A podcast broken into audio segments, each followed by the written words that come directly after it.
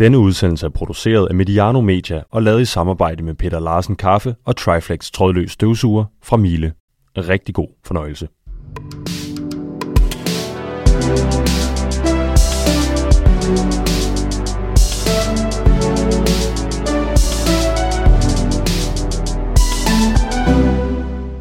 Vi har været i Aarhus, talt med Jakob Nielsen. Vi har været i IKAS, talt med Claus Steinlein. Vi har haft besøg af FC Nordsjælland, talt med Jan Laversen. I dag gælder det Brøndby. Vi har besøg af Carsten V. Jensen. Velkommen, Carsten. Tak for det. Her er Superliga for voksne. Vi prøver at gøre Mediano til stedet, hvor Superligaen taler med Mediano, med vores lyttere til vores lyttere. Forleden havde vi Jesper Stykker og Jesper Fredberg med i fredagsforresten i Aarhus, så nu tør vi godt invitere Carsten V. Jensen og næste gang Jakob Lauesen fra FC København i studiet. Måske uden at vi får skyld for kun at fokusere på FCK og Brøndby. Henrik Tønder, øh, fulgte du lidt med fredag, da Brøndby præsenterede sine nye ejere? Ja, det gjorde jeg da. Selvfølgelig gjorde jeg det. Det var jo en spændende dag. Er Brøndby et bedre sted med de begivenheder? Ja, det synes jeg så absolut, Brøndby er. Altså, øh, man kan sige måske lidt en parallel til, da Jan Bæk han kom ind i klubben, der, der brugte man jo også penge og skruede op på de enkelte enheder. Og sådan som jeg oplever det, det jeg ligesom kan forstå, det er, at nu har Jan Bæk måske bragt klubben til der, hvor den er nu, og nu skal stafetten gives videre, så der igen kan blive skruet op. Så jeg synes, at der, der, ligger, der ligger nogle spændende perspektiver der. Jeg kunne godt tænke mig lige at høre dig, Henrik. Der er sådan en diskussion blandt øh, Brøndby's fans, FCK's fans. Der har været en, man driller øh, FC København, kalder dem PSE, øh, Parken Sport Entertainment. Det er en koncern, det er noget andet end Brøndby. Brøndby er noget særligt. Er Brøndby lige så meget noget særligt nu, som de var før? Jamen altså, jeg synes jo, at Brøndby, øh, når vi nu snakker øh, kommersiel virksomhed, så var Brøndby vel first mover på at blive børsnoteret. Jeg tror ikke, der var andre fodboldklubber i verden, måske en eller to. Så allerede i 1987, der var man godt på vej. Så på den måde, der ser jeg ikke nogen som helst forskel på, på Brøndby og alle mulige andre klubber, når vi kigger med det kommercielle sigte. Nu skal jeg sige, øh, at Carsten er her i dag i sin embed, øh, eller i, sin, i medfører af at være fodbolddirektør, og skal ikke nødvendigvis svare på alting omkring ejerskab og de her ting, men den der diskussion, Henrik, det bliver lige hos dig, øh, om reaktionerne fra klubbens fans og modstanden mod det her flere klubsejerskab og udenlandske ejere. Hvad tænker du om den? Jamen, jeg tror, den er uundgåelig. Altså, nu er der jo et, et utrolig stærkt fanopland i Brøndby, og har været det i, i mange år. Men der er, jo en, altså, der er jo et clash imellem det at drive kommersiel fodboldvirksomhed, og så være en kulturinstitution, som Brøndby er. Så der er jo en værdidebat, og der er også en, en, en, en, en kommersiel hensyntagen. Altså, det er uundgåeligt, øh, at der vil, være, der vil være friktioner, eller der vil komme en clash. Ja. Peter Forlund, øh, hvad er dit indtryk, når du har kigget på salget af Brøndby, og øh, de ting, der bliver diskuteret meget i kølvandet på sådan en, en nyhed? Jamen altså, for det første så tænker jeg, at, øh, at det, er jo ikke, det er jo ikke nyt, at der skulle komme en, øh, en investor ind, og at det var, det var klogt at gøre det, og måske i virkeligheden også øh, på tide, hvis man kan sige det på den måde. Så, så altså, den overordnede øh, idé med at få noget kapital ind, synes jeg er rigtig god. Og så tror jeg egentlig ikke, det kan komme bag på nogen, og det tror jeg heller ikke, det har gjort på, på Brøndby, at der er rigtig mange holdninger til, hvad Brøndby skal være, hvad Brøndby er, og hvad Brøndby har været, og hvem der må købe, og hvem der ikke må købe og sådan noget. Og den, den debat tror jeg egentlig ikke øh, overrasker så mange, øh, heller ikke mig. Så på, på, så på den måde, så synes jeg egentlig, at, øh, at øh, hvis man kan kalde det et naturligt forløb på baggrund af, hvad der er sket i Brøndby, så er det vel det tætteste på, det kan være. Når det så er sagt, så er det jo altid, altså det, det, det synes jeg da også selv, når man, når man ser og læser, sådan, så er det da altså, måske bliver man jo aldrig færdig med at være helt overrasket over, hvor meget øhm, øh, hjerteblod det her er. Altså, det, det, det er virkelig noget, der... Altså, det er jo ikke bare diskussioner, det er jo diskussioner, der er... Der er folk, der skriver, at de ikke sover om natten, og, og, og så videre. Altså, det, det er jo... Man stopper jo aldrig med at blive imponeret af, hvor meget fodbold fylder, og det skal man jo huske øh, i hverdagen. Øh, men, men, øh, men altså, den samlede, hvad skal vi sige, sådan reaktionspakke er, er forventelig og forståelig. I hvilket omfang er det her særligt for Brøndby? Nu er der, nu tager jeg bare et eksempel, øh, OB øh, har talt om muligheden for øh, nye investorer, der er forlydende også om dialoger med amerikanske selskaber. Det er der næsten altid, når en klub siger sådan noget her. Ikke? Øh, tror du, det vil være den samme reaktion, samme diskussion, der vil være i OB? Ja, det tror jeg. Divideret med 10. Altså, Brøndby er bare en større klub og har større opland og har større, hvad hedder det, øh, altså flere interessenter øh, og dermed også en større stemme i, i mediebilledet og alle mulige andre steder. Og så vil enhver diskussion jo fylde mere. Men jeg tror, hvis du fandt øh, altså to 10 OB-fans og to 10 Brøndby-fans, så tror jeg, de vil sige nogenlunde det samme. Okay. Carsten, øh, nu sagde jeg jo i starten, du, du er fodbolddirektør, og du skal ikke svare på alting omkring ejerskabet, men prøv lige i forhold til den modtagelse, der kom. I vidste jo godt, det her, det er noget, der vil være reaktioner derude, og I vidste, hvad der var på vej. Sådan at sætte, sige, hvad havde du forventet, og hvordan blev dagen i forhold til, hvad, øh, øh, hvad du havde forventet? Reaktionen på det. Ja, men øh, det startede med en brandalarm, ikke? til pressemødet, ja. så er vi i gang. Øh, det er jo det, så var vi i gang. Øh, nej, men jeg, selvfølgelig vidste vi godt, hvad der, hvad der lå øh, foran os. Øh, og der havde været lagt op til det igennem et stykke tid, og der havde været, været dialog, øh, øh, også med, øh, med fansiden øh, undervejs, øh, i forhold til at, og ligesom at tale øh, os ind på hinanden. Øh, øh, og det vi, det vi så øh, mødte på dagen, det, øh, det var jo først og fremmest, hvad kan man sige, øh, en afslutning på rigtig, rigtig lang tids øh, øh, arbejde, øh, undersøgelse, due diligence, øh, begge veje. Øh, og på den måde var det for os, der var involveret, en, lidt en, en, en forløsning, vil jeg sige, for vi havde ligesom gået med det i så lang tid. Men det er klart, at reaktionen, øh, den var vi forberedt på, øh, og, og, det, og, og, og den kan ikke, jeg tror ikke, jeg får, vi var forberedt på den, men man kan ikke rigtig alligevel, hvad kan man sige, øh, være i det, før man, øh, at man skal svare på spørgsmålene og, og så videre.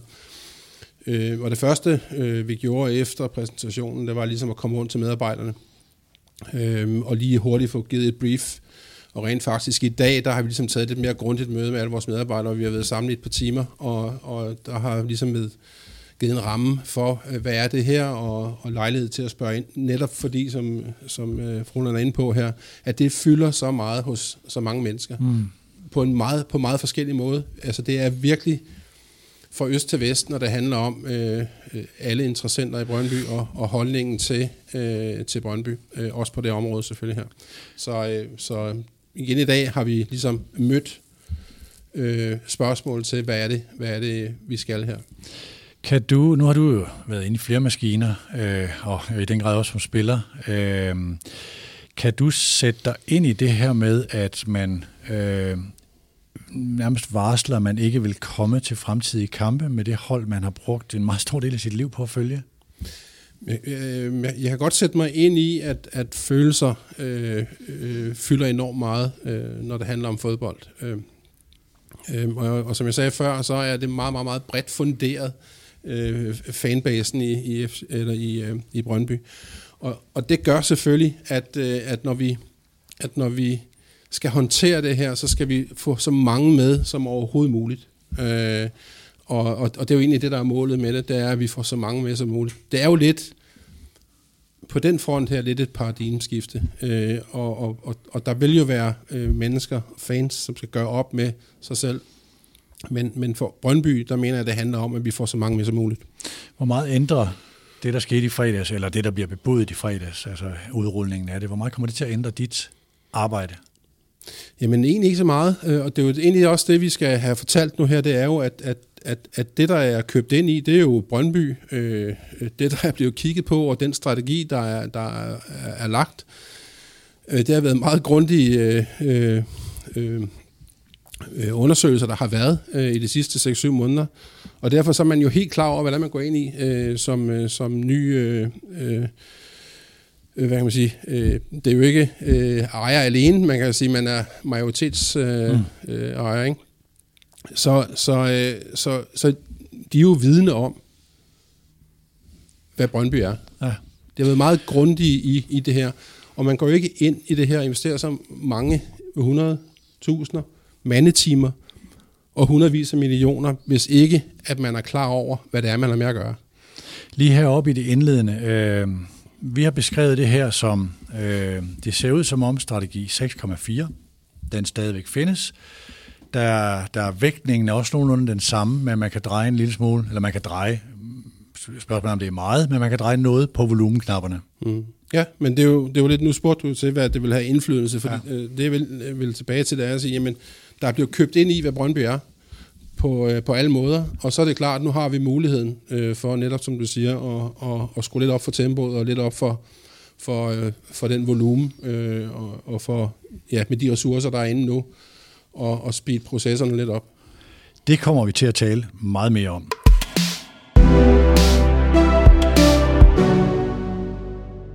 I mere end 118 år har kaffeelskere i hele Danmark nyt godt af kvalitetskaffen fra Peter Larsen Kaffe. Her på Mediano er Peter Larsen Kaffe blevet synonym med Superliga for voksne. Vi holder meget af vores partnerskab og er glade for, at Peter Larsen Kaffe er med i endnu en sæson.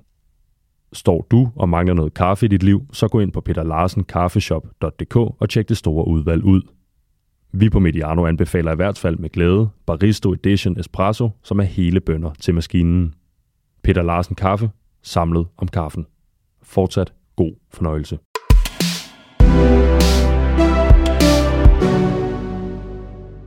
Superliga for Voksne er præsenteret i samarbejde med Peter Larsen Kaffe, partner siden første udsendelse i 2019, og så er Mile i den grad også med i 2022. Vi snakker rigtig meget om støvsuger her på frekvensen.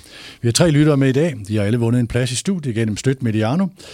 Det de ikke ved, det er, at Vitus han har stillet Triflex støvsugeren uden for studiet, og hvis de kommer til at hoste under udsendelsen eller efterlader croissanterne er så nede hos jer. Vi har kun fire croissanter, det var hvad de havde oppe på sløjfen. De står nede ved jer lytter. Øh, og hvis der kommer for mange croissantkrummer på chefens kontor, så koster det en tur med Triflexen, Danmarks bedste ledningsfri støvsuger. Apropos det med den bedste, vi har i dag lanceret en konkurrence, hvor man kan vinde Abdul Sule, Jakob Kleop eller Frode Langeagergaard. Ja, kært barn har mange navne. Vi har en Miele Scout RX3 Home Vision og en masse fine navne. Og det kan en støvsuger selvfølgelig ikke hedde. Øh, det er en robotstøvsuger med kamera til en værdi af 7.295 kroner. Det du skal gøre, det er at foreslå et navn til den, når vi navngiver den i appen, der styrer det hele. Jeg har rystet, Peter. Øh, det vil sige Stockholm Røg fra sidst? Nej, den er med. Altså, du, du, du skal skrive ind på vores Facebook-side, okay. så okay. Stockholm var, var et godt bud. Der er yes. andre gode bud. Der er en, der har foreslået øh, OB, så går den i bund. Øh, og det, det var faktisk en fra Nordjylland. Øh, der, øh, men det man kunne, altså, skal det være Radosevic, skal det være Vask, skal det være Chilufia, Grønning, Jan Kuber eller Ludovic. Indtil videre, så kalder vi den Sule. Og Sule, altså støvsugeren, har vundet Stiftung Varentest, et af Europas mest anerkendte institutter nede i Tyskland. Og dernede, der gør de ikke så noget for sjov. Emma Besser, ved du nok. Gå ind på Medianos Facebook-profil, der ligger konkurrencen en der er faktisk to uger fra i dag. Øh, kom med dit bud på et navn, og alle bud er med i konkurrencen om at vinde den. Ikke kun det, der ender med at blive det navn, som den får. Stockholm, den er med på, den er, med, den er på listen. Lad, lad os først lige tage en runde om temperaturen i Superligaen. Og det er nok mest til, øh, til Henrik og Peter. FC København har præsenteret en ny strategi. Vi skal vinde DM hvert år, spænder musklerne. Det lyder som en offensiv. Brøndby har fået nye ejere, taler om markant gearskifte, det lyder også som en offensiv. FC Nordsjælland fører sig jo et Superligaen, bygger et akademi i Cairo, og vil snart have sportslige muskler, der svarer til at være med i klub plus 100 millioner, når det sammenlignes på den måde, man normalt gør sportslige budgetter op på, selvom Nordsjællands sportslige budget ikke laves på, øh, eller, eller beskrives på samme måde som de andre. FC Midtjylland fik sidste år Danmarks næstrigeste mand ind i ejerkredsen, øh, og er kendt for at tage, øh, eller er, er ikke kendt for at tage foden af speederen, selvom jeg så faktisk så en opgørelse over de Danmarks rigeste, der som øh, var det økonomiske ugebrev. En af de der havde offentliggjort det, der var han helt ned under 100 milliarder øh, i den, den seneste ja, opgørelse. Det kan blive småt for en hver. og AGF vil gerne ved FC Midtjylland af kongepinden over på den jyske savanne. Så, øh, Tønder, hvad ser du her i det her klima? Hvad er det her? Jamen, jeg synes jo, det er, jeg synes jo, det er bemærkelsesværdigt, os, der har været med i ja, 20 år, og det har du jo også, Karsten. Altså, jeg kan, jeg kan, huske, jeg kan huske sådan i starten af nullerne, der skete der jo det, at der skulle alle klubber have aktiemissioner. Så der blev lavet den ene aktiemission efter den anden, og alle kom på børsen. Lille Vejle Boldklub var på børsen. Det var et helvedes bøvl, men vi fik penge ind. Vi fik dem så ikke brugt var, særlig Var det den, der hed OTC-børsen? Præcis. Ja. Og det var, sådan, det var sådan den, man kunne være på øh, som, som fodboldklub, som lille fodboldklub. Så skete der jo det øh, samtidig med, øh, så fandt man ud af, jamen øh, den næste strømning var, at vi skulle alle sammen have et bredere markedsområde, vi skulle række længere ud. At det opstod FC Midtjylland, at det opstod FC Nordsjælland, at det opstod FC Vestjylland. Og, øh, og øh, i vores region, jamen der var vi jo tæt på at blive til FC Trekanten. Mm. Øhm, og hvis vi så spoler for, fast forward, jamen så er vi jo nu i en fase, ser det ud som om, hvor, øh, hvor, øh, hvor der kommer eksterne ejerskifter. Altså hvor, det, hvor det nye normal i princippet er, øh, at, at der kommer nye penge ind. Og, og, og det man i hvert fald kan sige om de tre faser, jeg vil sige, at i den første fase bliver der også bygget en masse stadions. Men det, man kan sige om de tre faser, det har alt sammen været med til at skubbe til udviklingen. Det har alt sammen været med til at skubbe dansk fodbold i en retning, fordi der kommer flere penge ind. Og det, og, og det ser vi også nu. Så om det er farligt, eller om det er alt muligt, det er i hvert fald spændende, ja. øh, hvad der kommer til at ske, og det bliver jo endnu mere kompetitivt. Altså, jeg, jeg brugte i manuskriptet ordet farligt, og det er jo i forhold til den der historik, der var dengang, man pressede hinanden op, og vi skal også, og vi skal give, og hvor man ikke var ret dygtig til det, i hvert fald ikke alle steder. Og det, det var der mange klubber, der brændte sig på. Er der noget her, hvor du ser en risiko, Henrik? Jeg synes, man skal, jeg, jeg synes godt, man kan anskue det på, på lidt forskellige måder. Altså, vi har jo set nogle ejerskaber komme ind, fordi klubber har været presset af en konkurs. Øh, og så ser vi et ejerskifte her, som jeg opfatter som et mere strategisk ejerskifte, som et meget, meget grundigt ejerskifte, hvor der rent faktisk er en ejer, der har tilladt sig at reflektere over, hvad kan vi gøre i fremtiden, hvordan kan vi bringe det her videre. Og på den måde, der ser jeg det som et langt, langt mere sikkert ejerskifte. Og så skal man huske på, at øh, nye ejerskifter, der er jo underlagt en masse, masse, masse kontrolfunktioner, altså lige fra øh, revisorer til advokater til divisionsforeningen. Så på den måde, der, der anser jeg i særdeleshed, når det er store klubber som Brøndby, og når der er som så mange penge, og der er lavet en valuering på produktet, så anser jeg det som værende en, en, en meget sikker investering fremad. Og, og det er godt for jer, flere penge ind i kredsløbet. Næste gang, så er det ikke Silkeborg, der sælger Wallis, så er det jer, der profiterer af, at der kommer flere penge i kredsløbet. Kunne det være? Det kunne være et ja. uh, scenarie, ja. Okay. Peter, øh, ser du kun plusser her?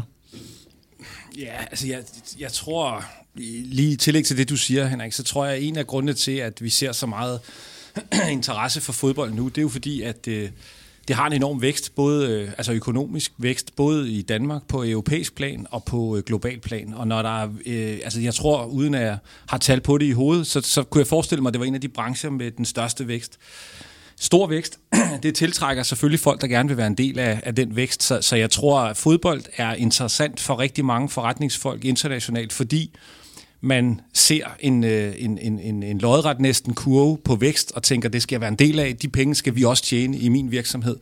Så det tror jeg egentlig er, er ganske naturligt. Øhm, fodboldklubber af virksomheder, så, så det, er, det, det, det tror jeg egentlig er en helt, øh, hvad skal man sige, sådan normal businessbetragtning, og det gør jo ondt øh, på, på, på, hvad skal man sige, sådan traditionelle fodboldfolk, for jeg tror, at de fleste investorer er mere eller mindre ligeglade med fodbolden. Fodbolden er selvfølgelig et, et, et produkt, øh, og, og der kan være fodboldfolk i gruppen, som der jo eksempelvis er i dem, der har øh, overtaget i Brøndby. Det er slet ikke det, men fodbold er en forretning, og klubberne er virksomheder, og man har øh, købt ind på en virksomhed, som man tror er på vej på en vækstrejse. Er der far ved det? Jamen selvfølgelig er der det. Altså det er jo sådan, at alle vækstrejser øh, fordrer jo, at der er en god ledelse, der laver en øh, god strategi og sørger for, at øh, den, øh, det miljø, man er i, øh, er på en måde, så man kan leve op til det her, og man kan leve. Men der må fodbold jo mere forretning det bliver, jo også bare se i øjnene, at det betyder jo, at altså ligesom almindelige øh, virksomheder, der er nogen, der er rigtig gode til at håndtere de muligheder, de får, der er nogen, der er mindre gode til at håndtere de muligheder, øh, de får. Det er ikke særligt for fodbold, så selvfølgelig vil der være en fare, selvfølgelig vil der være nogen, der, der knækker halsen, selvfølgelig vil der være situationer, hvor en overtagelse ender skidt. Og det er jo den, det er jo den virkelighed, fodbold som en, fuldstændig gennemkommercialiseret branche øh, ser i øjnene, som jeg ser det. Den gode nyhed for en klub som, som Brøndby på den her front, synes jeg er, at Brøndby er sådan øh, relativt dyr, det er det ord, jeg ikke må bruge, er relativt det koster relativt mange penge. Det er ikke dyrt, men det er mange penge, man skal have op af lommen for at, at købe sådan en klub. Og det gør jo, at man sorterer, og undskyld udtrykket, men det værste fra. Jeg tror, hvis man har en lille klub... Altså, øh, altså mulige købere. Ja. Har man en lille klub, det kunne være bare et helt tænkt eksempel fra med Amager, det er noget billigere at komme ind i, så tror jeg, at øh, man tiltrækker måske øh, lidt bredere publikum, og dermed måske også nogen, der ikke har gjort deres øh, due diligence godt nok. Jeg tror, når man kommer på, på handler i, i, i Brøndbys størrelse, øh, så tror jeg, at det kræver noget mere grundighed. Så hvis man skal se positivt på den handel af den grund, så tror jeg, at det er mere seriøse investorer, øh, der kigger den vej. Det er simpelthen fordi, at øh, det, man, det, man skal skyde ind, og dermed også det, man kan tabe, det er noget mere. Carsten, det var en lang snak. Nej, det er fint. God pointe. Carsten, øh, kan du genkende det der billede af sådan et våbenkapløb? At der bliver, man spænder musklerne rundt omkring til det, der skal ske? Øh, ja, både ja og nej, fordi det er jo alligevel op til klubberne, øh, hvad især, og hvad kan man sige, og, og, og bestemme deres egen retning øh, og deres egen gearing i forhold til det. Øh, også lige komme ind på, øh, at, at det er jo også, altså, der er jo sket en, en globalisering i, i, i, sådan i det hele taget i, gennem de sidste 10-20 år, og det er jo lidt et resultat af, af det. Øh, og så kan man sige, for at, øh, at øh, hvis vi ser ranglisten, øh, den europæiske rangliste, så er det jo ikke fordi, at øh, altså, der er det jo der er lige så meget for, at vi skal hænge, hænge i, at, at fastholde vores position. Vi, har, vi, vi, har ikke, vi har meget sjældent set, øh, at vi har været sikre på at have øh, øh, øh kvalt til Champions League. Ja, og, det, og det er på spil nu her, mm. øh, direkte som konsekvens, at man bliver danske mestre. Øh, og derfor så er det jo nødvendigt på at hænge på internationalt også, at dansk fodbold udvikler sig. Hvis, hvis ikke vi investerer, hvis ikke vi, øh, vi gør alt, hvad vi kan for at hænge på, så taber vi jo i den kamp. Hvorfor var det her nødvendigt for Brøndby? Hvad var der sket, hvis I havde kørt lige ud? Jamen, så var vi jo fortsat, og det var den linje, der var blevet lagt i Brøndby for tre år siden. Øh, siden har vi jo, hvad kan man sige, fået vendt det godt rundt i forhold til at, at have en, en forretning, med, hvor der er øh, penge i banken, og vi skylder ikke nogen, og, og så videre. Men netop for at kunne tage det næste skridt, øh, så er det vigtigt, at vi, vi fik, øh, vi fik øh, øh, nye muskler. Lad os lige prøve at træde ind i øh, minefelter, de her minefelter omkring flerklubsejerskaber.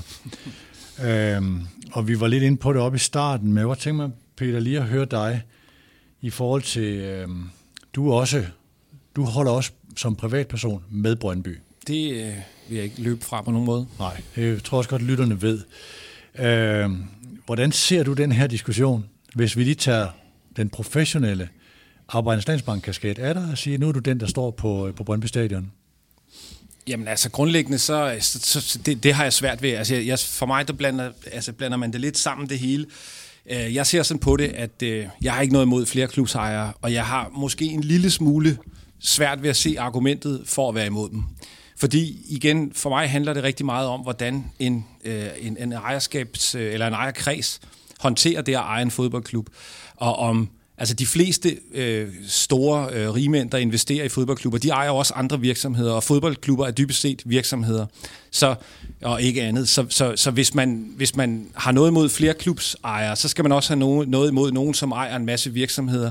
Jeg tror, illusionen om, at man kan finde en ejer, som er 100% fan, og gør det, fordi man er fan, den, øh, den er rar, og den er, den er jo, det er jo sådan en, altså det er jo trygt, det er jo en form for forsikringspolice. Hvis det var en fan, der ejer klubben, så ved de jo altid det bedste, alt det der. Men en flerklubsejer, som øh, er sit ansvar bevidst og ved, øh, hvordan man skal drive en klub og gøre det fornuftigt og lægger en strategi og i øvrigt efterlader øh, den daglige ledelse til dem, der sidder i ledelsen, det har jeg svært ved at se problemet i. Og så ved jeg godt, så er der nogen, der vil sige, nu springer du helt over det her med, at øh, man kan skubbe spillere rundt og sådan noget. Og det er rigtigt, det, det springer jeg over, men der vil jeg gå tilbage til det, jeg sagde før, der er ordentligt ledet. Hvis man gør det ordentligt, er det jo heller ikke noget problem. Det er jo først et problem, hvis der er noget usundt, der kommer ind i den karusel. Så, så altså igen, for mig koger det ned til, har man en dygtig ledelse, eller en dygtig ejer, eller har man ikke en dygtig ejer. Har man det, så kan de eje, hvad de vil for min skyld. Nu Nej, det er ikke helt rigtigt. Det er ikke helt rigtigt. Det er ikke helt rigtigt. Okay. Det er ikke helt rigtigt. De kan eje meget.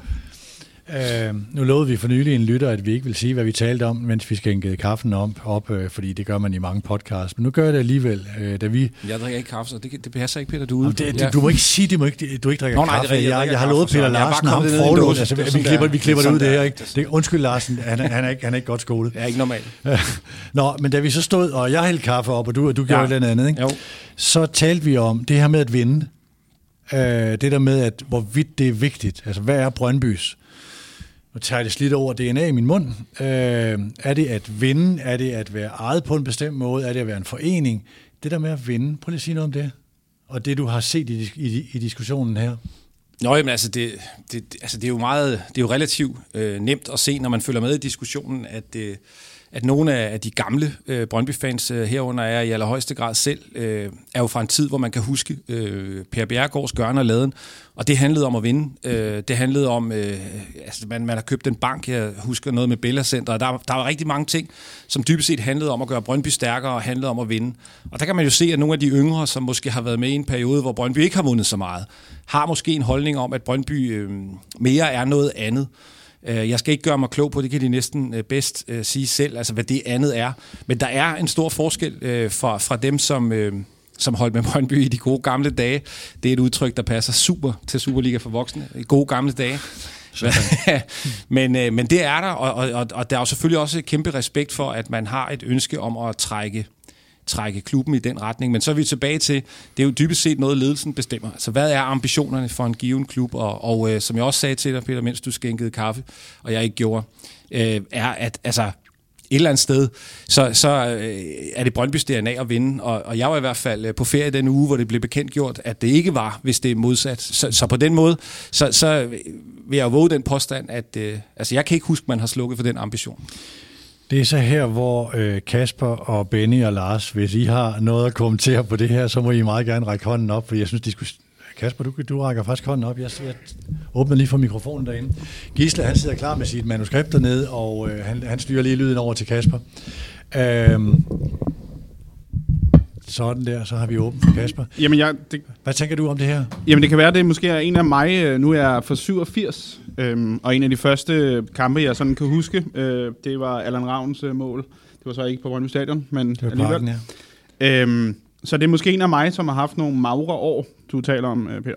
Men faktisk er, er, er meget af det, du siger, jeg er enormt enig i. Det er en, i, for mig en lidt forkælet holdning at have, at man synes, at man kan vælge, hvilke penge man får ind, hvis man synes, at man kan vælge så markant, som man vil. Man vil have en fan, man vil have, han skal helst være dansk, og, og, og sådan noget. Så jeg, jeg er en af de fans, måske, øh, jeg fornemmer vi er mange, men øh, en af dem, som, øh, som ikke så tit siger noget i medierne, at øh, jeg synes faktisk, at det her skifte, eller gearingen, som der bliver talt om, er, er, er øh, nødvendig, og måske også har været lidt længere undervejs, faktisk. Øhm, og det bringer mig frem til spørgsmålet til dig, faktisk, øh, Peter. Mm. I, har Arbejdernes Landsbank, som er involveret i mange klubber, mm. nu har jeg ikke lige tal, mange, Ja, Øh, lad os bare sige det. mange. Ja, øh, hvor de ligesom spreder deres investeringer, eller I gør. Øhm, har I nogensinde overvejet, hvad I som, hvad kan man sige, investor kunne have, kunne I have lagt pengene i Brøndby? Det var det her, jeg har tænkt nærliggende, også måske lidt i håb om, at, øhm, at så kunne man skabe den her charmerende fortælling om en uh, Brøndby-fan, som investerede alle sine penge, du ved, at du ikke er Arbejdernes Landsbank, men alligevel står i øh, sådan. Øhm, og hvad vil det måske have gjort for Arbejdernes Landsbank? Kunne det have været, øh, har det været interessant? Har der været tale om det? Altså det kan, det kan jeg sige med det samme, at det, det, det har der ikke været tale om, og det kan ikke rigtig lade sig gøre. Altså vi, vi, driver, vi driver bank, og det, vi, det samarbejde, vi har med klubber, det handler om, om sponsorater, og at øh, vi giver øh, Carsten og hans øh, gode venner i Brøndby nogle penge, og så øh, giver de os nogle muligheder for at få nogle kunder tilbage. Hvis, hvis Brøndby IF skulle være et investeringsobjekt, så skulle vi, altså så, så er det en helt anden snak. Så er det jo, så er det jo penge, vi, vi, vi tager en risiko med, og øh, det, det er en helt anden snak. Så det, det har ikke været, øh, det har ikke været under opsejling, men jeg kan faktisk sige til dig, du er langt fra den første, der spørger. Øh, og, og flere har også spurgt om, øh, er der ikke, kunne banken ikke gå sammen med nogen og gøre og sådan noget. Så jeg kan sagtens forstå, hvor du kommer fra, og jeg skal da være ærlig at sige, at øh, det kunne da være meget sjovt. Men det har ikke været...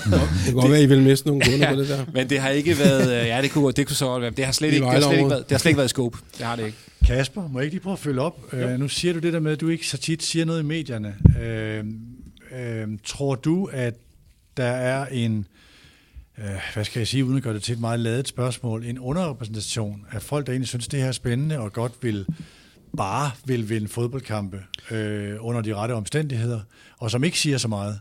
Ja, det tror jeg, og jeg tror, at den øh, fraktion, hvis vi skal blive i fans termer, er meget større end den fraktion, som øh, påstås at være de rigtige fans, hvis vi skal sige det på den måde. Og nu ligger jeg mig sikkert, jeg sidder øh, på øvre sydside, og øh, øh drengene nede under, lige nede under, Øh, er måske meget, øh, ja lige præcis, er måske meget øh, uenig. Øh, men jeg synes ikke, at man har patent på at være rigtig fan, fordi man skal definere ud fra at have været øhm, imod flerklubsejere blandt andet. Jeg synes, det er, som jeg sagde før, jeg synes, det er øh, faktisk utopi at tænke, at man i en moderne fodbold på den ene side gerne vil have mesterskaber, og på den anden side vil man ikke have altså det, jeg mener er præmissen for det. Moderne fodbold er stukket af for det her. Og den romantiske tankegang om fodbold øhm, deler jeg. Jeg kan godt lide øh, tanken om det, men jeg tror ikke, at manden findes. Eller, øh, ja, Jeg, personen. jeg synes, jeg kunne se, at Daniel? Lars, Lars nikker derovre. Er det rigtigt? Jo, det var mere i forbindelse med det her, som, øh, som Kasper siger, i forbindelse med, hvor, hvor mange der råber op, og hvor mange der ikke råber op. øh, som Brøndby-fan, så bevæger man sig jo også på diverse øh, medieplatforme, Facebook, Twitter og alle de der steder, hvor alle har en masse at sige. Og øh, der blev jeg da mærke i, at der var, øh, jeg selv tænkt tanken, men nu var der en anden, der kom øh, foran, som faktisk lavede en afstemning inde på Facebook. Det kan man jo lave i dag. Ja. Og, og der var faktisk en afstemning, der lød, er du for, eller er du imod, eller er du i tvivl? Og øh, da jeg kiggede, jeg var faktisk overrasket over, at det var mange tusind, der faktisk havde afgivet deres stemme. Og den havde noget i retningen med 79 procent for, og så var den todelt i ved ikke og imod. Og hvad, hvad dækker for? Skal lige have igen? Ja, det dækker jo for uh, det nye ejerskab. Okay. Det var det, der blev spurgt til. Ja. Så det siger jo noget om, tror jeg alligevel, øh, hvad forholdet er i det her. Ja. Og så vil jeg sige, i forbindelse, nu er et meget sjovt spørgsmål, i forbindelse med Arbejdernes Landsbank, fordi nogle af de her øh, diskussioner går jo også meget på det her med, vil man have en dansk ejer, og kunne det lade sig gøre? Og der kunne jeg da egentlig godt tænke mig at spørge Peter, hvad, hvad hans, med, med den indsigt, du alligevel har i dansk erhvervsliv, er, altså, fordi det, det er der mange, der siger, jamen det kan ikke lade sig gøre, og nogen siger, at det kan sagtens lade sig gøre. Ville det have været realistisk at kunne lande dansk ejer, eller er det helt udelukket? For jeg, Åh, det er et jeg hører så er, der jo ikke, så er der jo ikke rigtig nogen folk herhjemme med den slags penge.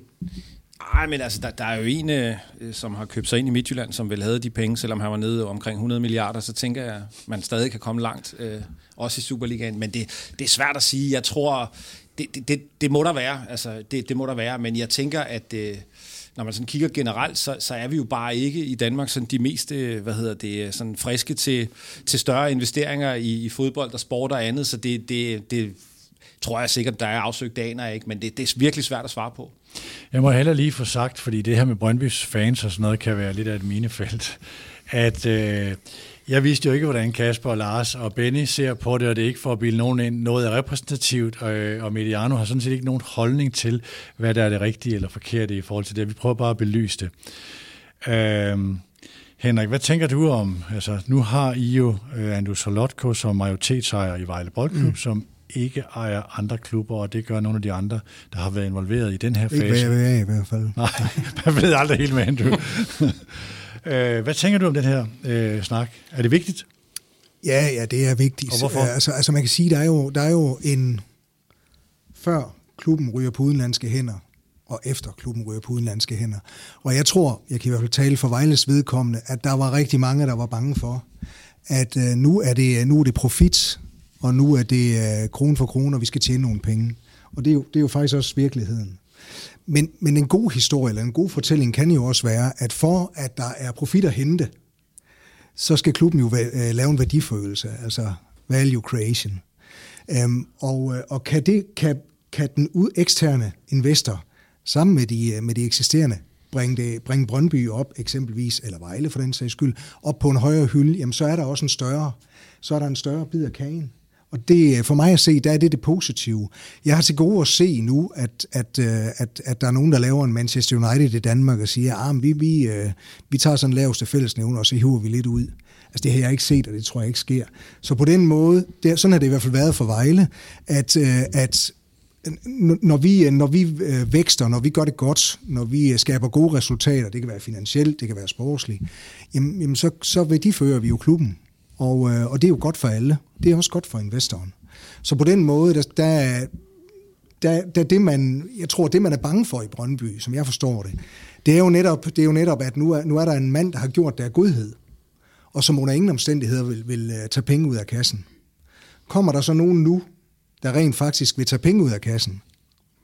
Det, det jo, kunne jeg forestille mig, var, var et, øh, et spørgsmål, der kunne fylde lidt. Og så er det jo sådan, og det har vi oplevet i Vejle, at eksemplets magt, altså det der med, at man kan se, det der bliver sagt, det er også det, der bliver gjort, øh, har det jo med at vinde til sidst. Mm. Og øh, så, så, så tiden er også en faktor i det her. Lad os prøve at gå ind i det konkrete. Jeg, sidder, jeg ved, der, jeg kunne forestille mig, at der sidder mange lyttere og gerne vil vide, hvad for nogle spillere skal, skal Carsten ned og købe, og hvad er det for nogle hylder, vi snakker om med det her. Hvis vi lige tager det først i forhold til der, hvor I er nu, øh, og lige udnytter, at du er her. Brøndby ligger på en aktuel 9. plads. Øh, hvor meget pres er der på dig som fodbolddirektør? Det er ikke anderledes, end, end, end det var i sidste uge. Øh, det er det ikke. Øh, øh, der er altid pres på. Øh, og uanset om vi havde fået nye ejere eller ej, så vil der være pres på. Så, så, men det der er nu, det er jo muligheden for, at vi kan øh, indfri de øh, øh, forventninger, vi har til os selv, øh, med de muligheder, der ligger foran og de ressourcer, vi er blevet tilført. Så, så det, er jo, det er jo sådan set det, der er opgaven foran os nu, og, og det er jo først nu, arbejdet starter, øh, kan du sige. Men det er jo ikke sådan, at vi går ud øh, i januar måned, det er i hvert fald ikke planlagt, og, og brænder det hele af på, øh, på, på en enkelt spiller eller tre, og så tror på, at det er det, der skal, der skal løfte Brøndby øh, øh, øh, på den korte bane. Det er jo ikke sådan, det kommer til at ske. Det er det ikke. Lige for at skabe en øh, forståelsesramme, hvor vi prøver at pejle os ind på, hvor er det egentlig, øh, Brøndby er hen, skal hen. Hvis vi lige taler nutid og fremtid først, og så lige kigger lidt tilbage bagefter. Nutid og fremtid. Senest vindue, øh, Daniel Vass, Nikolaj Wallis og øh, Ohi Omoijuanfo. Det er en dyre hylde, end du har været vant til at købe ind på. Er det der, hvor ikke nødvendigvis lige præcis på de prisniveauer, men er det sådan et, et øh, niveau, Brøndby kommer til at ligge på og sige, det er egentlig der, vi skal orientere os. Det er spillere, der kan løfte os ret hurtigt. Ingen tvivl om, at vi skal løfte blikket, fordi øh, øh det er jo det, vores, øh, altså, for at vi kan løfte vores resultater den, hvor vi gerne vil, jamen, så skal vi også øh, løfte blikket i forhold til der, hvor vi, vi kigger, når vi skal hente spillere ind det vil skynde mig at sige igen, det er, at vi har jo ikke sendt, øh, tænkt os at skifte 10 i, i det næste vindue. Vi har tænkt os at, at fortsætte, og det vil sige, i takt med, at vi øh, øh, øh, ruller spillere øh, ind og ud, jamen så vil vi øh, skulle have en ambition om at løfte øh, Brøndby. Det her med at ramme de her spillere, øh, og der er væsentligt mere ro, ikke omkring 9. pladsen, men omkring købet af spillere, i, på, på din rolle som fodbolddirektør, end der har været på, så var der de tre spillere fra Vikinger, så var de gode i en periode, nogle af dem, så var de ikke så gode, og du blev mødt af kritik. Øh, er, er det i virkeligheden, fordi det er lettere at, at øh, styrke holdet, når man, når, man, når man har de her hylder til rådighed? Som der ligger Jamen, i de her tre spillere? Der, der er jo en vis logik i det, men det, øh, der er en vis, vis logik i, at jo, jo flere penge og midler du har til rådighed, jo, jo, jo bedre øh, skal du kunne ramme. Det siger sig selv, men omvendt så er det ikke en til en, at man får hvad kan man sige, styrke tilbage fra krone til krone. Sådan er det heller ikke. Lige et personligt spørgsmål. Øh, da Brøndby blev mester i 2021, var du messias. Der var ingen grænser for, hvor dygtig en fodbolddirektør du var. Så kom de her spillere, og så gik det ikke så godt. Øh, og så var det, jamen, hvem var det egentlig, der sad yderst? Var det Niels, eller var det dig? Hvordan har du oplevet den her meget fra hvid til sort debat? Jeg er nogenlunde forholdsvis balanceret. Øh, det, det, jeg har øvet mig på i, i rigtig, rigtig mange år. Øh, så øh, når det går godt, så husker jeg ikke at have armene for højt op, og når det går mindre godt, så husker jeg at holde hovedet op. Men man kan ikke være upåvirket? Nej, men det er tæt på, tror jeg. Okay. Altså, det er jo lidt en erhvervssygdom. Ja, det tror jeg, det er. Fordi okay. ellers det er svært at være i. Det, det er sejre nederlag hele tiden. Du skal kunne uh, træffe beslutninger og håndtere det.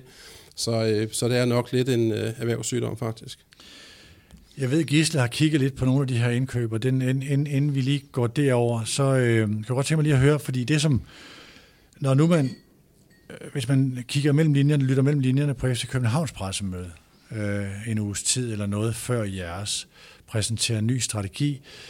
Der bliver der sagt, jeg tænker ikke, det er helt tilfældigt, at Andreas Skov Olsen bliver uopfordret nævnt fra deres side. Som, det læser jeg som et signal om, det er den hylde, vi skal være på. Vi skal konkurrere med Klub Brygge om Andreas Skov Olsen. Vil de så ikke stadigvæk have flere muskler end jeg, hvis det sådan er, er de hylder, vi jo, snakker om? det har vi jo heller ikke sagt. Vi har, vi har jo sagt, at vi vil være en magtfaktor i, i øh, skandinavisk fodbold. Øh, det har Brøndby været før. Det kan vi blive igen. Det er jo ikke det samme som at, at sige, at vi skal være på toppen af, af det hele. Øhm, øh, vi skal også have respekt for, at der er, at der er andre hold, der gør det godt. Der er andre øh, investorer, der er parat til at lægge det samme eller mere. Så den konkurrence vil der hele tiden være. Øh, men, men det vi siger, det er, at vi vil, være, vi vil hvert eneste år spille mere mesterskaber, og vi vil række ud efter Europa øh, og europæiske gruppespil. Det er ambitionen. Og, så det er jo ikke sådan, at vi skal måles øh, nødvendigvis med FC København på, hvad vi propper i det. Nej. Vi havde en diskussion inde i et andet lokal tidligere i dag i det format, der hedder Ugen, hvor en af mine kolleger, Rasmus Mornerup, siger, at det er meget spændende det her med Brøndby, men jeg kunne tænke mig at vide, hvad er det, Brøndby vil være bedst til? Fordi hvis FC København er dem, der kan gå ud og række ud efter, ikke at de kan lande ham, men spiller på Andreas Skov Olsens hylde.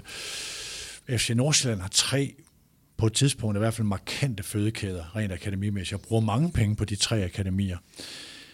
Så ligger Brøndby et eller andet sted der midt imellem med store muskler for Superligans vedkommende. Hvad er det så, I skal være bedst til?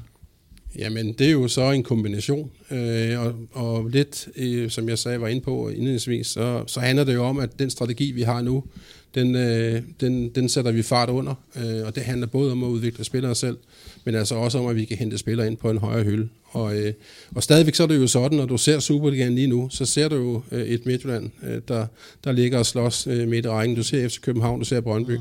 Så det er jo ikke sådan, at, at kroner og øre, de gør alting. Så derfor så er det på en måde befriende at se, at man kan altså også øh, med andre øh, øh, ting øh, arbejde sig frem i toppen af dansk fodbold, og Silkeborg og øh, Nordsjælland og, og Viborg er gode eksempler på det. Så det gode arbejde ved siden af, det er ikke, øh, jeg taler jo selvfølgelig meget om, at, at, at, at, at, at Øh, pengene øh, betyder rigtig meget i sidste ende, særligt over øh, længere tid. Øh, men det arbejde, der gøres ved siden af, ikke mindst, det, det har altså stadigvæk betydning. Hvis man lige kigger på en lærer ud af den aktuelle udvikling i Superligaen øh, med de, de hold, der har meget succes og ligger langt frem. En af de ting, øh, der bliver talt om, det er udover strategi og tydelighed i, i måden at spille på, så er det også kontinuitet. Hvad er din vigtigste lære, hvis du siger, hvis vi skal tage noget ud af Viborg, øh, Nordsjælland, øh, for så vidt også Silkeborg, øh, i den måde, de har gjort tingene på, og hvorfor ligger de lige nu over os? der, der er mange årsager til øh, til det men sådan, som vi kan bruge fremadrettet. Hvad, hvad er så det? Jamen altså igen, der er, der er stor forskel på øh, at være København, Midtland eller, eller Brøndby for den, dags, øh, den sags skyld. Når det, når det handler om det, så du er inde på, så er der flere faktorer, der spiller ind. Men det man ligesom ser, øh, øh, som kendetegner de hold, det er jo, at man i, i lang tid har fået lov til at arbejde med, med en, med en øh, indarbejdet spillestil. Men den her med kontinuitet, det er jo sådan nogen som dig. Det er alt, hvad der er øvet der i staben, men det er også træneren, Øh, hvor, øh, hvordan kan man gøre det i, i en verden, der, er, der har så meget pres i sig, og hvor der vil være udskiftninger? Næsten uanset, hvordan, hvor, hvor dygtig man er på de andre poster. Jamen det vil der være på alle poster på et eller andet tidspunkt, øh, men jeg er helt enig i, at øh, kontinuitet er en helt afgørende faktor i fodbold, og man har tendens til i den verden her at trykke øh, på knappen for hurtigt. Så det er helt klart et, øh, et succesparameter, at, man er, at der er ro på, og man, man forsøger at skabe øh, en, et miljø og en kultur, hvor, hvor der ikke er stress øh, på den front. Men, men, men på et eller andet tidspunkt, så vil der jo opstå situationer, øh, som enten øh, øh kan være befordret af, af, af, af klubben eller den ansatte, øh, uanset hvor det er hen i organisationen, hvor, øh, hvor, øh, hvor øh, folk skal videre. Nu ved jeg godt, du næppe vil svare fuldstændig entydigt på det, øh, men er med Global Football Holdings øh, tilkomst, er den rolige hånd på rette så blevet mere rolig eller mindre rolig i sådan en scene her? Det er svært at sige igen, så der, der er gået nogle få dage. Øh, vi er ikke kommet i gang med arbejdet endnu. Rent faktisk, så nu, der, du, nu tænker jeg ikke på Nielser-kampen på søndag Nej, det med OB og sådan noget. Det, det, det, det, er også, det er også det, ja. det, er, det er jo det arbejde, vi ikke kommer med. Mm. Altså i forhold til søndag, der er vi i gang med arbejde, skulle jeg sige. øh, så, øh, og, og, og, planen er lagt, øh, så den, er, den skulle være stensikker. øh, lige til på søndag, så må vi se. Øh, nej, altså i forhold til det arbejde på, på den mellemlange og den lange bane, jamen så er vi jo knap kommet i gang. Altså, vi, vi er ved at lære hinanden at kende, og så skal vi jo i gang med arbejdet. Så, øh, så øh, ja, der venter, der venter øh, store opgaver øh, forude, men masser af muligheder for Brøndby. Vi skal lige have en mikrofon over til Benny, som øh, markerede med et spørgsmål her. Øh, for lige at gå tilbage til det, du nævnte, Carsten, omkring, øh, at vi skal være bedre på forskellige niveauer, både på Superliga-niveau, men også på Masterclass-niveau. Kigger vi i DBU's drengelicens, der kan vi se, at de tre FC-klubber, Nordsjælland, Midtjylland og FCK, de har fem stjerner som PT er maksimum, og hvor Brøndby har fire og en halv. Der må være nogle huller, vi skal have lukket der. Ved du, hvilke huller der er, vi skal have lukket, og hvordan kommer vi eventuelt forbi? Ja, det ved vi, jo godt. Komme højere end fem lige i øjeblikket, men... Det, hand, det handler jo meget om, om fuldtidsansatte i forskellige funktioner. Øh, men i øvrigt har det ikke ret meget at gøre med, hvor, hvor, hvor dygtig du er på banen. Øh, øh, så, så ja, det vil vi gerne øh, på et eller andet tidspunkt, men det er ikke sådan, at det er fuldstændig afgørende faktor for os. Det afgørende er, at vi arbejder på en måde, som, som gør det øh, bedst for Brøndby at bringe spillere igennem øh, masterclass. Men, men jeg tror på, at vi kommer til at ramme øh, de fem stjerner. Øh, men det er jo fordi, vi kommer til at løfte os på alle niveauer, også masterclass. Okay, Benny. Og der kan man også sige, at det DBU's licenssystem er ikke nødvendigvis retvisende for, hvor de enkelte klubber vil hen. Det er, hvor DBU gerne vil hen. Præcis, og det er også derfor, at øh, vi ikke slaver af, af systemet, men omvendt så tror jeg, at vores ambition gør, at vi alligevel lander der med, med fem stjerner, hvad end det så kan hjælpe os med. Så markerede Kasper lige. Skal vi lige have mikrofonen over til Kasper? som er den eneste, der har en rigtig Brøndby-trøje på. Ja, ja, den er rigtig, ja. Den der Sådan. for indeværende. Så. Øh, hvad hedder det? Det er også til Carsten. Altså, det er faktisk lidt for at følge op på Peters øh, spørgsmål omkring, øh, jeg tror det er Stanbury, der siger i ugen, at øh, hvad er det Brøndby skal være? Øh, man kan sige FCK, øh, masser af penge, vi er de bedste, vi bliver nummer et hver år. Midtjylland, øh, vi er nummer to, man skal være en top 50 klub i verden, eller hvad det var, han fik sagt, Steinlein. Jeg har svært ved, også som Stanbury nævnte i ugen, jeg har svært ved at se, tilførselen af kapital er nødvendig for at følge med.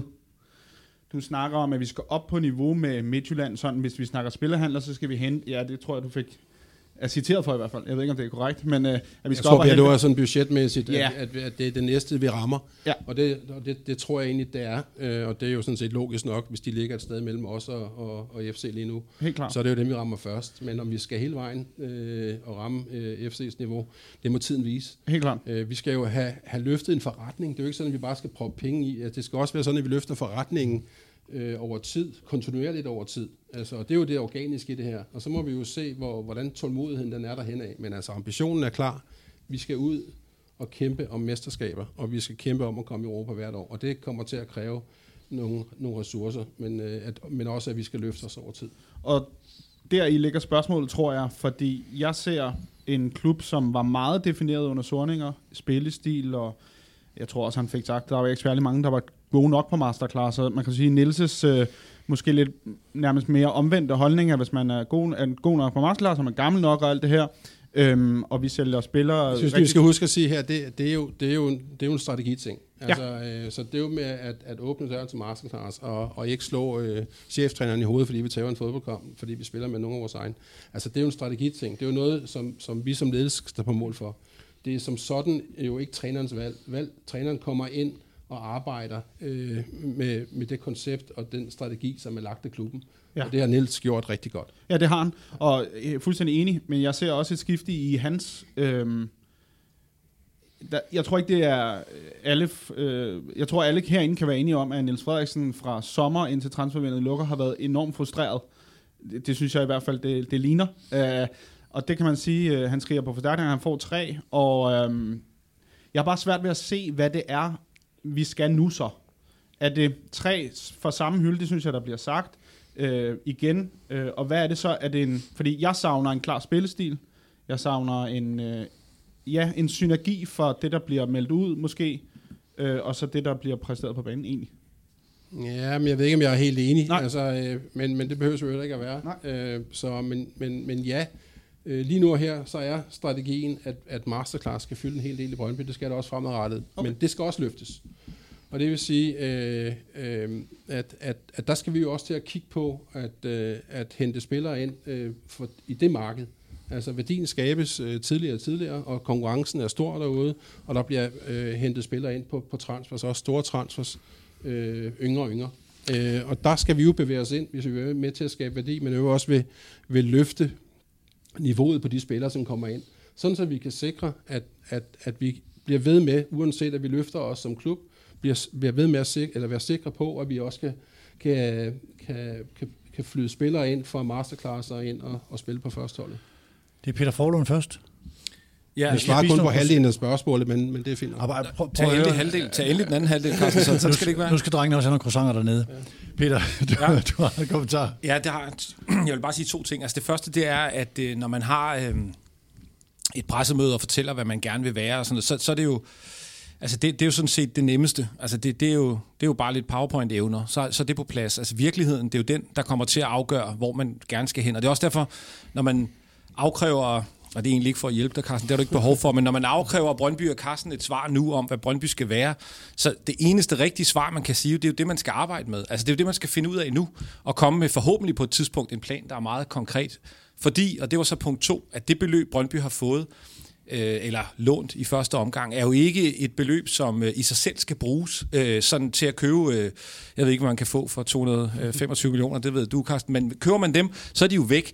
Altså, der skal laves en eller anden plan, så de her skal investeres, og investeres i hvad? I at gøre den samlede kage Brøndby IF større, så man kontinuerligt har en større drift, større overskud og kan bruge flere penge. Så der, altså, det, det, det er bare for at sige, det, jeg kan godt forstå, man gerne, og det vil jeg faktisk også gerne selv have en plan for, altså hvad, hvad skal der ske, men der, altså, der, der er bare et langt lys på, det er ikke øh, 225 milliarder, man har fået, det er 225 millioner, mm-hmm. og man skal have respekt for, at de skal bruges til at gøre den samlede kage større, og så altså, er det jo egentlig genialiteten, udviklingsmulighederne, fremtidsperspektiverne i den plan, der på længere sigt kommer til at afgøre, hvor stor Brøndbys økonomi kan, gøre, øh, kan, kan blive, og dermed hvor, hvor, hvor stor en konkurrent man kan blive. Så der, altså der, der er et stykke vej fra, fra, fra et lån til kontinuerlig succes. Det, er, det er ikke i tre handler til vinter, eller tre yderligere til sommer. Jeg vil også gerne lige sige, at, at, at, at, at nu talte du om øh, FC Københavns udmeldinger. Altså, det var jo netop øh, deres øh, øh, nye vej og nye strategi. Altså, vi, vi holdt et presmøde omkring et nyt ejerskab. Øh, og det ejerskab kommer til at tage udgangspunkt i den strategi, der ligger. Det er det, der er blevet købt ind i. Og så skal den jo øh, øh skæres til øh, herfra, som du... Øh, spurgte til Kasper. Lige for at skabe en forståelsesramme øh, for de her ting. Nu var øh, beløbet ved, ved øh, da Mansur-gruppen gik ind øh, sammen med Right to Dream, FC Nordsjælland, det var 100 millioner euro upfront. Og, var det det? Ja. Jamen, jeg husker det over en periode. Fordi jeg sad ja, men, læste det op på det, og sad, så jeg, jeg kunne egentlig ikke se, hvor lang... Øh... Jamen det, det, det var det hen med det, det er egentlig, som jeg forstår det, så er det en meget stor del af de penge øremærket til etableringen af akademiet i Cairo. Og det er det, der sker nu, og hvor, hvad var det, Jan Laversen sagde, da han var herinde for et par uger siden. Det er noget, man vil kunne se og der skal vi hen i en 25-26 eller sådan noget, før vi begynder at kunne se de der ting. Og det er et beløb, der er meget større end det, som, som, øh, som ligger som, øh, som den ansvarlige lånekapital i Brøndby. Bare for øh, at også understøtte Carsten i, det er ikke noget, der ændrer magtforholdet i Superligaen sådan her. Det giver, nogle, det giver nogle forudsætninger for at investere nogle steder, som man dybest set har gjort hele tiden, også i Jan Bæks ejerskab. Præcis. Og jeg, og jeg, jeg er sådan set også enig i, hvad Froland siger her, i forhold til øh, det arbejde, der ligger foran os.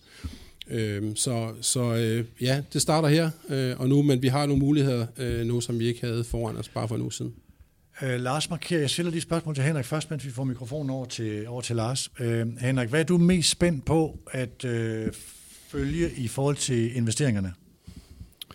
Jamen, jamen hvis jeg bare lige må knytte en kommentar mm. til den øh, diskussion, der har været her, så synes jeg jo, at, at, at hvis man nu ser på, hvad, hvad skal Brøndby være, og hvad har Brøndby været?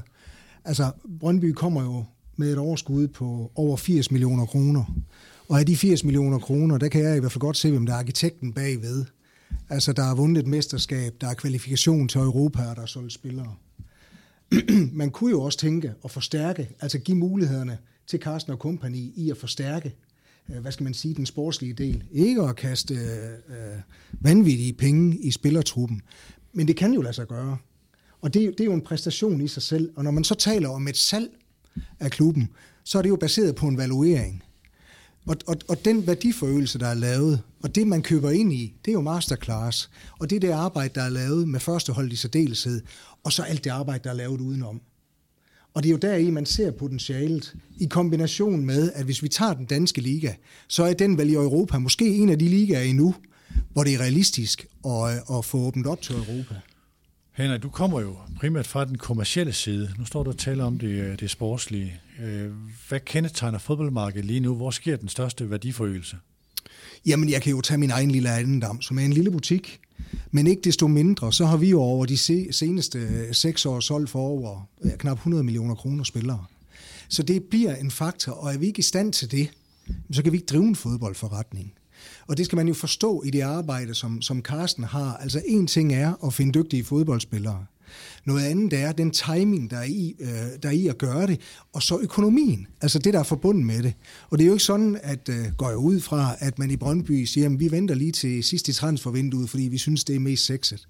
Sådan, sådan er det ikke. Altså sådan hænger, hænger det ikke sammen.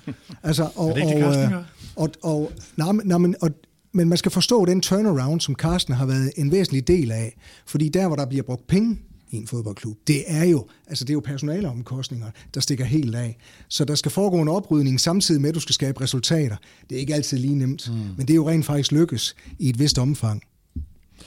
Lars? Og det vil jeg faktisk gerne lige øh, sige, ja. at det er helt rigtigt, at de sidste tre år, det er egentlig, det er egentlig øh, gået med at, at, at, at få en forretning, som jo netop har vist sig fra sin bedste side i forhold til både ikke at, at have gæld, at have penge på, i, i, i banken, og på den måde også være interessant mm. for, for nye investorer. Mm. Det var egentlig en opfølgning på det, Kasper også lidt spurgte om, som måske ikke blev så besvaret, og det er heller ikke sikkert, at det skal besvares lige i dag. Men, øh, og her vil jeg gerne lede tiden lidt tilbage til et interview, som øh, Carsten var en del Han er altid så flink at stille op i det medie, der også hedder Brøndby Lyd. Og der vil jeg skynde mig at give en stor ros, fordi vi får altid god indsigt, og, og, og tusind tak for det. Det er, det er rigtig godt, og det Meget bra. synes jeg, man har savnet i mange år fra, fra den side af. Så, øh, øh, men her spørger øh, Nana Mølle Carlsen blandt andet, det er helt tilbage i september, hvor øh, du plejer at komme ind en gang hver halve år og snakke lidt om transfervinduet og hvordan det er gået. Og så spørger Nana, om vi køber spillere ind til en spillestil. Har vi en spillestil? Altså scouter vi direkte mm. til det? Og dit svar er sådan lidt hen af, jamen det, det gør vi, men, men vi ser en lidt mere pragmatisk tilgang til det. Dels fordi øh, at Niels nok er en mere pragmatisk træner, men også fordi så bliver der snakket lidt lige- også om Sorniger, men, og, og der svarer du lidt til, at det kan give nogle ulemper på, for vi bliver begrænset i en eller anden omfang. Og spørgsmålet er jo så, nu ser vi jo en liga i øjeblikket, hvor den bliver nærmest domineret af folk, som har en tydelig spillestil. Og nu står vi så med, en, øh, med et nyt, øh, hvad hedder det, en holding group, som, som investerer en masse penge. Er det en, en, hvad skal man sige, er det en holdning, som man overvejer at lave om, eller bliver det den fremadrettede retning? Jamen, det er jo igen, øh, det er jo et, det er jo et rigtig godt spørgsmål, øh, og, og Brøndby har jo øh, på forskellige tider igennem øh, de sidste øh, 20-30 år øh, været meget tydelige øh, øh, på, nogle, på nogle grundelementer i spillet. Ikke bare der Sundinger var der, men helt grundlæggende. Fremadrettet, dynamisk, højt præstende. Det er jo ikke noget, Sundinger har opfundet. Så det vil jeg lige skynde mig at sige. Og hvis var jeg, ikke, var jeg på stadion i søndags, de første 20 minutter, det var lige præcis et udtryk for, hvad det er, man gerne vil se på Brøndby Stadion. Så, så øh, og i øvrigt, øh, øh, klart de elementer, vi arbejder med i Masterclass. Så er der, hvordan ser øh, fodbolden ud i moderne fodbold nu? Øh, særligt hvis du skal øh, kæmpe over din, øh, din vægtklasse, jamen så skal du jo kunne øh, indrette dig. Du skal jo øh, øh, både kunne øh, forsvare en føring øh, på en svær udbane i Europa, samtidig med at du skal kunne øh, øh, dominere øh, i, en, i en hjemmekamp på Brøndby Stadion i Superligaen. Så, det, så, så derfor så vil jeg sige, ja, det kan da godt være, at man kunne øh, øh, skærpe det og blive tydeligere på nogle ting, men altså grundelementerne i det, vi gerne vil nu, og det, vi skal fremadrettet, det, være, det vil være det, som I så i de første 20 minutter i, i, i søndags. Øh, det kan man så omvendt ikke sprede ud over 90 minutter, fordi de fodboldspillere kender jeg ikke, der kan det øh, i det tempo i 90 minutter. Men der fik man da i hvert fald set, hvad er det, hvad vil det sige at komme på Brøndby Stadion? Hvad er det, man kan forvente? Så, ja, præcis. Jeg er enig. Men, øh, men omvendt, så øh, Men, kan man sige, med den afslutning, vi fik, så, så lever vi også med det. Men man har også set klubber som øh, Leipzig er jo nok et meget godt eksempel, som med en, hvad skal man sige, meget fasttømret spillestil også konstant bokser over deres vægtklasse. Jamen, jeg, er, jeg, er, jeg, jeg, jeg er jo uenig i, at det er et element, og det var jeg jo også, det sagde jeg også før, at, at jeg er som sådan øh, enig i. Jeg nævnte selv de klubber, som har, har klaret sig godt på det, og det er også det, der, der jo gør, at, at man kan få lidt mere for pengene. Så, så, øh, så det er jo klart et element, vi skal kigge ind i, om det skal være endnu mere defineret, end det er. Men det er jo ikke sådan, at, at, at vi er udefineret. Øh, det er det ikke.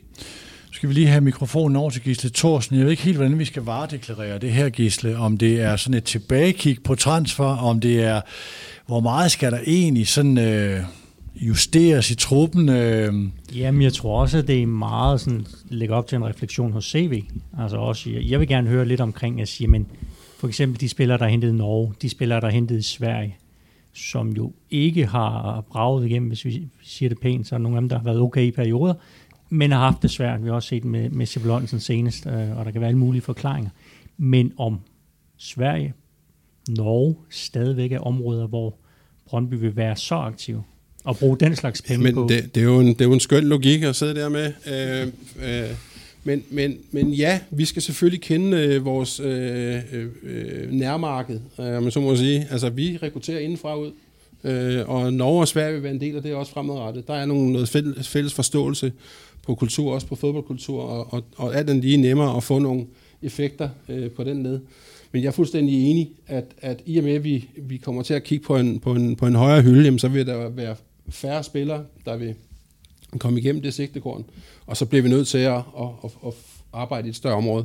Så det er sådan en, en del af logikken, det er jeg enig i.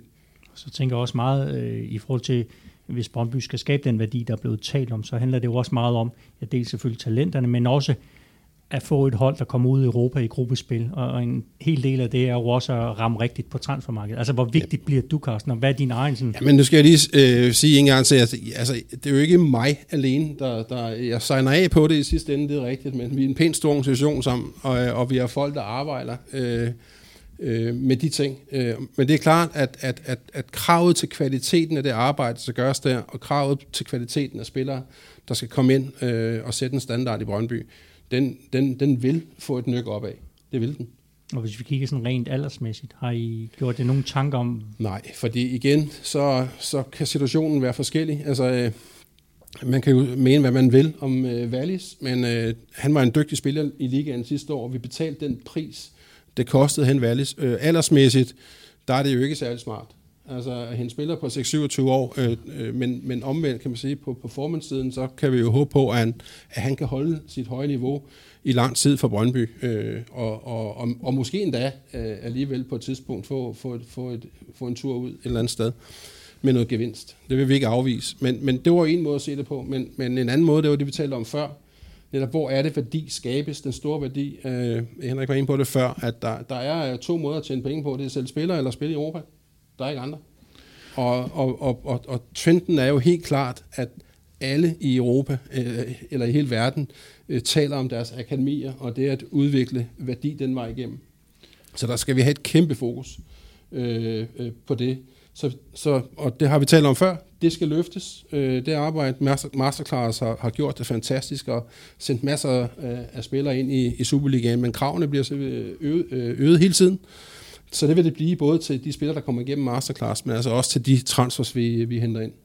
Jeg skal lige sige noget teknisk til lytterne. Vi har været så vise, at vi har placeret både lytterne og Gisle ved et bord hernede, som er, hvor Carsten Elands, der står med ryggen til, så han taler lidt sidelæns ind i mikrofonen.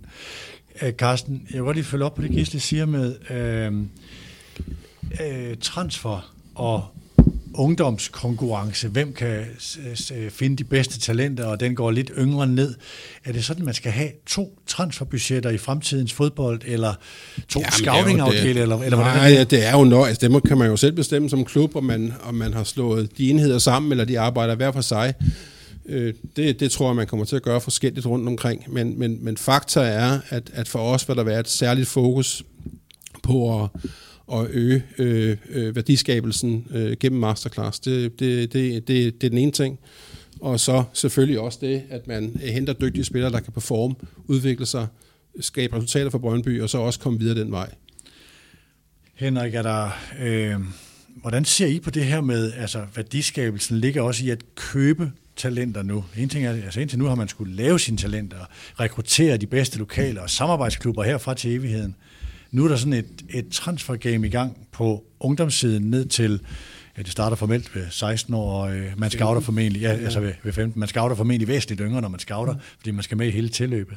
Hvordan ser du den her udvikling? Jamen, jamen vi er der ikke endnu. Det må, jeg, det må jeg jo erkende i Vejle Boldklub. Så, øh, så vi, går, vi går den tunge vej og skal, skal, skal producere vores egne. Men i forhold til talentudvikling... Altså er der ikke nu, fordi det kræver noget helt særligt på scouting-delen? Ja, det, det kræver økonomi. Ja. Altså ganske enkelt. Og det, den, den luksus kan vi ikke tillade os lige nu. Øh, men, men, men, men det vi kan gøre, apropos snakken omkring øh, stjerner, så er jeg fuldstændig enig med Carsten, at det vi kan måle på strategisk også, det er at sige, jamen, hvad er det, vi får igennem? Øh, og vi får formentlig ikke øh, spiller igennem på niveau med, man gør i Brøndby eller FCK. Men der vil være spillere, der ryger igennem, og der er spillere i vores trup nu. Altså vores trup udgøres af 10 akademispillere. Tro det eller være, og de er danske.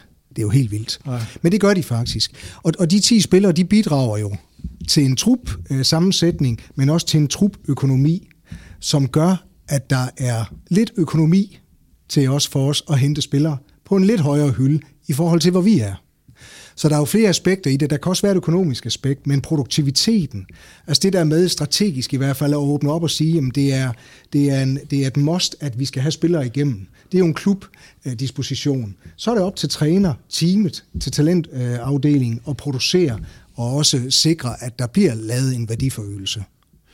Ser I, øh, nu kigger jeg på dig Henrik, øh, i Vejle, øh, så noget som Rune Bajaji og Andreas Schellerup, som det er en helt ny, eller det er en, det er en forholdsvis ny og ganske tydelig udvikling, der er i gang. Hvordan ser I den? Altså det Nå, med at nå, altså, altså det, det, vi, det vi jo kan konstatere, det er, at, at der er virkelig åbnet op for at sige, at nu henter vi talenter. Øh, dem henter vi eksternt fra, vi kan også hente dem ved hinanden. Så det er jo, det er jo en, en ny, øh, hvad skal man sige, et nyt kapitel, vi går ind i. Og det er jo, det er jo eksemplificeret ved de to spillere, du nævner. Hvornår starter sådan en tilløb her, Carsten, hvis vi prøver at bruge dem her som eksempler, øh, som jo, man ser dem på den store scene i Danmark, da de fylder 16, men øh, mig bekendt har det der tilløb jo været i gang. For nogle af dem Jamen, det væsentligt vil- længere. Ja, det vil det være. Der, er- det vil være øh, samlinger, øh, øh, hvor de er øh, 13, 14 og 15 år. Ja. Øh, hvor, hvor den kategori af spillere øh, vil blive set første gang. Øh, og så handler det om at, at samle data ind, og, og ja, på det tidspunkt, hvor man så ellers er klar og har økonomien til det, så må man, øh, så må man slå til. Øhm, sådan i, jeg vil lige godt gå tilbage til det sådan lidt personlige. Øh, da transfervinduet, det er i sommer, tror jeg det er, og hvad sker der i Brøndby? Og Niels han er frustreret, og øh, køber de snart noget, og måske han venter bare til sidst, siger man så. Øh, så skriver Jan Bæk, han, han bliver konfronteret med noget på, øh, på, på Instagram, øh, og det der med pengene og sådan noget, så øh, er der sådan en indikation af, at det er i hvert fald ikke, fordi pungen ikke står åben den tænker man, hold da op, det er da sådan lidt en rulle, rulle altså pege flasken over mod dig og sige, jamen det er altså, Ja, men øh, vi er jo også mig, der har fået ansvar jo, for at bruge øh, pengene fornuftigt, og hvis, hvis, hvis, hvis øh, i sidste ende jeg skal signe af på det, så skal jeg jo også stå på mål på, hvordan de bliver brugt. Og hvis jeg mener, at vi, øh, vi handler bedre ved at lige vente et øjeblik, og så få adgang til OHI for eksempel, som ikke vi havde tidligt i vinduet, det fik vi senere, jamen så er det jo en gevinst forhåbentlig på, på den lidt længere bane, og så må man jo tage de slag, der kommer. hmm. Okay, øh, Kasper, du havde et spørgsmål hernede. Ja. Kan det passe? Kasper Skelund. Og det er igen, øh, altså jeg er fuldstændig enig omkring det her, det kan jo også blive et våbenkapløs på de unges vegne, kan man sige. Og igen, hvor, hvor er vi så der? Hvorfor skulle en, en Andreas Schellerup eller en Rooney Badaci vælge, øh, hvad hedder det, Brøndby? Og det er der, jeg igen måske efterspørger lidt... Øh, at, Jamen, der vil jeg, Ja, der vil jeg lige men- skynde mig at sige, at altså, vi er rigtig stærke i den konkurrence. At når der er et talent derude, øh, inden de fylder 15, og der er en konkurrence mellem os og Nordsjælland og, og København, så får vi de fleste øh, til samtaler og, og, og, og lander de fleste. Så, så vi er altså rigtig stærke i den konkurrence, bare så du er klar Ja, over det. jamen, det er og, så, og så er der så den kategori af, af spillere, som, som du nævnte herovre, med Sjællerup og Balaji, hvor der er lagt stor, stor økonomi i. Der har vi ikke været endnu, men det er jo det, vi står og taler om her, at det er der, det bevæger sig hen. Og det vil det også gøre for Brøndby. Mit spørgsmål går lige på, faktisk, som er rimelig konkret, og jeg er ikke sikker på, at du kan svare på det, men nu får du det alligevel. Ja. Man kan sige, øh, jeg og mange Brøndby-fans skriger jo på en øh, sekser.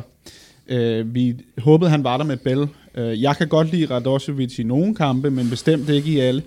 Øh, sådan en som, nu siger jeg bare en, som er en yndlings her, øh, Randers' øh, nummer 6. Tror jeg, han faktisk spiller han i nummer 6? Lasse Berg Jonsen, han er Ja. i hvert fald sekser. I hvert fald en af dine yndlings, øhm, øh, Peter Brygman. Øhm, bliver vel nærmest nævnt i alle jeres programmer. Øh, er det en, vi kigger på? Det kan vi tage bagefter, synes Okay. jeg. altså, men øh, Aftale. men, men det, ja, det er jo rart at høre, at der, at, at, at der bliver tænkt tanker. Øh, øh, og, og, og det synes jeg jo bekommer enhver øh, at have en holdning til. Øh, så, øh, men, men jeg står ikke her og, og siger jeg præcis, hvad det er, vi, øh, øh, vi skal, både på den, øh, hverken på den korte eller på den lidt længere bane, men, men øh, vi skal løfte blikket. Vi skal løfte blikket. Øh, det er det, vi taler om her. Øh, og så kan vi tage den anden ud i køkkenet bagefter. Og kan man købe Wallis, kan man vel også købe Lasse Berg Jonsen. Jeg synes, Thomas Berg sagde Ikke noget for- i det her vindue altså- med, at hvis man havde en, en, en 30-40 millioner, så kunne vi begynde at snakke om det. Nå, øh, Carsten, øh, da vi snakkede sammen øh, efter pressemødet derude, der spurgte jeg dig lidt sådan, jamen, hvis der er to haner, en på A-holdet, en på masterclass, mm. og vi skal lede efter, hvordan kommer de her investeringer og hele allokeringen af økonomien i den, i den nye Brøndby til at se ud, kan man så sige, hvil- hvilken en vil der blive drejet mest på? Og du vil garanteret sige begge to. Nej, nej, uden tvivl øh, ind omkring A-holdet. Altså udover der selvfølgelig være andre investeringer i klubben, som øh, Froland var inde på. Ja, hvor vi, det vi skal, det er, at vi skal løfte Brøndby til et nyt niveau med en større omsætning og, og forhåbentlig nogle bedre resultater, øh, der så kan afføde noget økonomi, vi kan investere. Så, så, øh, men, men, men det er det dyreste, og det var du inde på, Henrik, det, det er altså øh, lønningslisten, øh, og særligt på, på, på spillersiden. Så det er jo der, hvor der lige vil blive kastet flest penge efter. Det er det.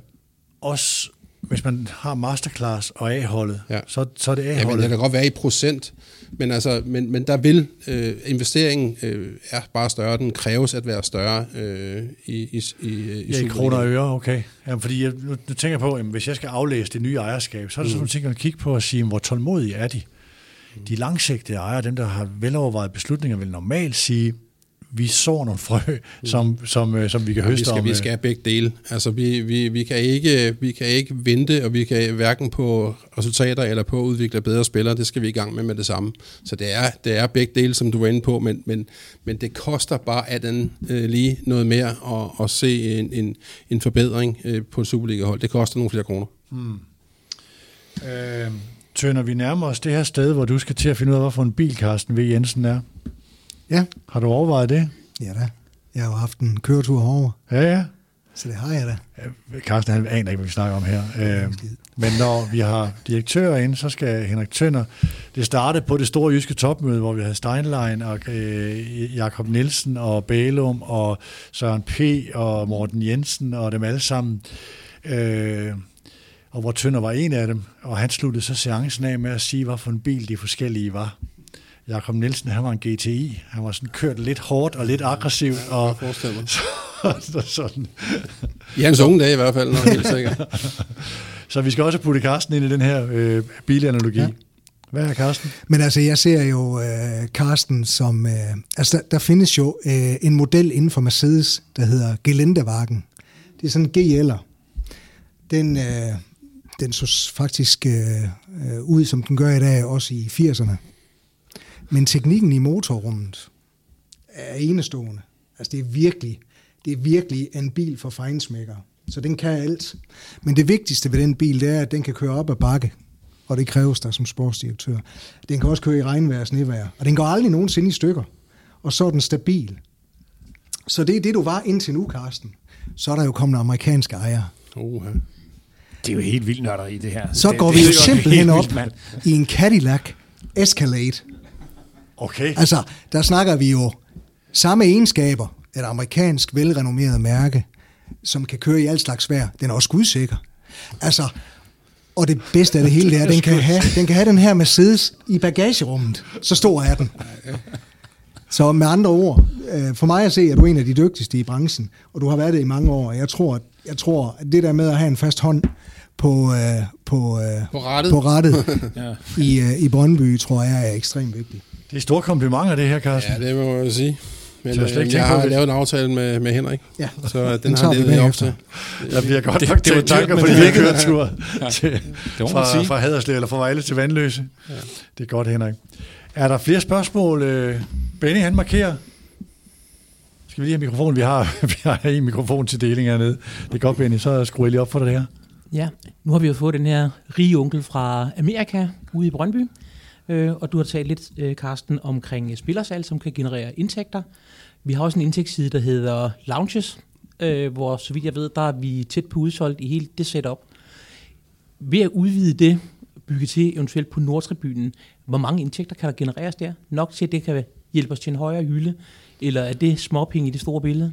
Jamen, det, det tror jeg, Ole vil sige. Altså, det var ham, der skulle svare på spørgsmålet, øh, vil jeg sige, hvis han var her, Ole Palmo. Øh, men, men det er noget vanskeligere at vækste på den front, det ved jeg. Øh, så, øh, så vi må se, øh, hvordan, øh, men, men der er klart øh, forbedringsmuligheder i oplevelsen for vores øh, partner på Brøndby Stadion. Det er der, så vi kan godt løfte kvaliteten øh, af, af det og, og generere flere indtægter. Det er, det er jeg sikker på, at Ole vil svare.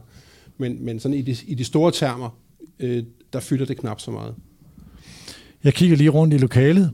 Peter Forlund, Henrik Tønder, og øh, ser, om der er nogen, der hæver hammeren. Og ellers så vil jeg sige, så vil jeg sige tak til Carsten V. Jensen for at bruge tid her sammen med øh, nogle af Brøndbys fans, som også er Medianos lyttere. Gode spørgsmål fra jer. I var mere spørgeløsende, end jeg egentlig havde regnet med. Det er godt. Gode spørgsmål. Tak til øh, Peter Forlund. Selv tak. Tak til Henrik Tønder. Selv tak. Og tak til vores to partnere, Peter Larsen Kaffe. Vi skal nok få lært øh, Froglund, en eller anden variant af det. Han savner stadigvæk den der energidrik, der var engang. Øh, Som blev lavet til kvinder på vej til styrketræning. til fitness, hvad ja. øh, og som ja. dig og Dan Hammer jeg har, ikke forgreb sig drukket, på. jeg har ikke drukket sådan og, noget siden. og så derefter led den en forholdsvis krank skæbne på markedet. af Ja. for. Det glemmer jeg simpelthen aldrig, det der. Ja, det var fremragende. Den sved. Og, øh, og tusind tak til Mile. Husk konkurrencen på Facebook. Skal robotten hedde Samburik, Eko eller Bistrup kunne også være mulighed. Der er rigtig mange gode navne her, eller Stockholm. Allermest tak til dig, der lytter. Vi er Superliga for Voksne, og vi høres ved. Udsendelsen, du har lyttet til, var produceret af Mediano Media og lavet i samarbejde med Peter Larsen Kaffe og Triflex Trådløs Støvsuger fra Mile. Tak fordi du lyttede med, også til dette budskab.